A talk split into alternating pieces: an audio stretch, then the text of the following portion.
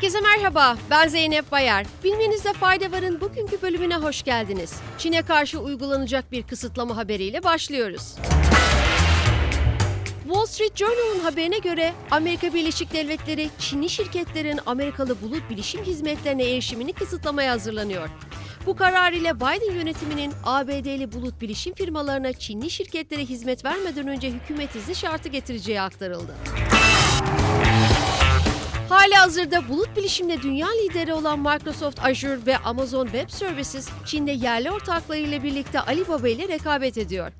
Hatırlanacağı üzere geçtiğimiz hafta Biden yönetiminin Çin'e yönelik ihracat kontrollerine yapay zekada kullanılan çipleri dahil etmeyi planladığı belirtilmişti. Şimdi sırada sosyal medya platformlarına ilişkin ardarda iki haberimiz var.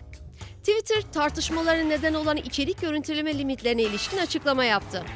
İçerik görüntüleme limitlerinin geçici olduğu belirtilen açıklamada platforma zarar veren botları ve diğer kötü aktörleri tespit edip ortadan kaldırmak amacıyla uygulandığı bildirildi.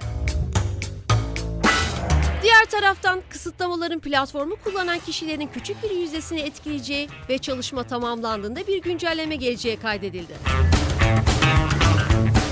Sosyal medya platformlarına ilişkin ikinci haberimizle devam ediyoruz.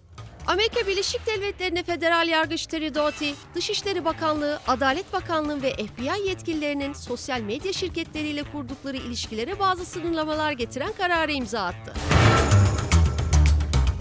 Kısıtlama kararına göre Biden yönetimi yetkilileri sosyal medya yöneticileriyle içeriğin kaldırılması, silinmesi, gizlenmesi veya azaltılmasına yönelik baskı veya teşvik amacıyla e-posta, mektup, telefon veya kısa mesaj yoluyla görüşme yapamayacak. Bazı perakende zincirleri pandeminin etkisinden hala çıkamadı. Şimdi Le Pen Cotedian'ın İngiltere'de aldığı kararın detaylarına geçiyoruz. Fransız fırın ve kahve zinciri Le Pen Cotedian, İngiltere'de salgın sonrasında düşük seyreden talep ve artan maliyetler nedeniyle 9 şubesinden 8'ini kapatarak 250 kişinin işine son verdiğini duyurdu. Hollanda'da okullarda alınan bir kararla noktalıyoruz. Hollanda Eğitim Bakanlığı, ortaokul ve liselerde cep telefonu, tablet ve akıllı saatlerin sınıflarda yasaklanması yönünde karar aldığını duyurdu. Telefon kullanımının öğrencilerin dikkatini dağıtması ve öğrenme becerilerini zayıflatması gerekçesiyle kararın alındığı ifade edilen açıklamada uygulamanın 1 Ocak 2024'te başlayacağı kaydedildi.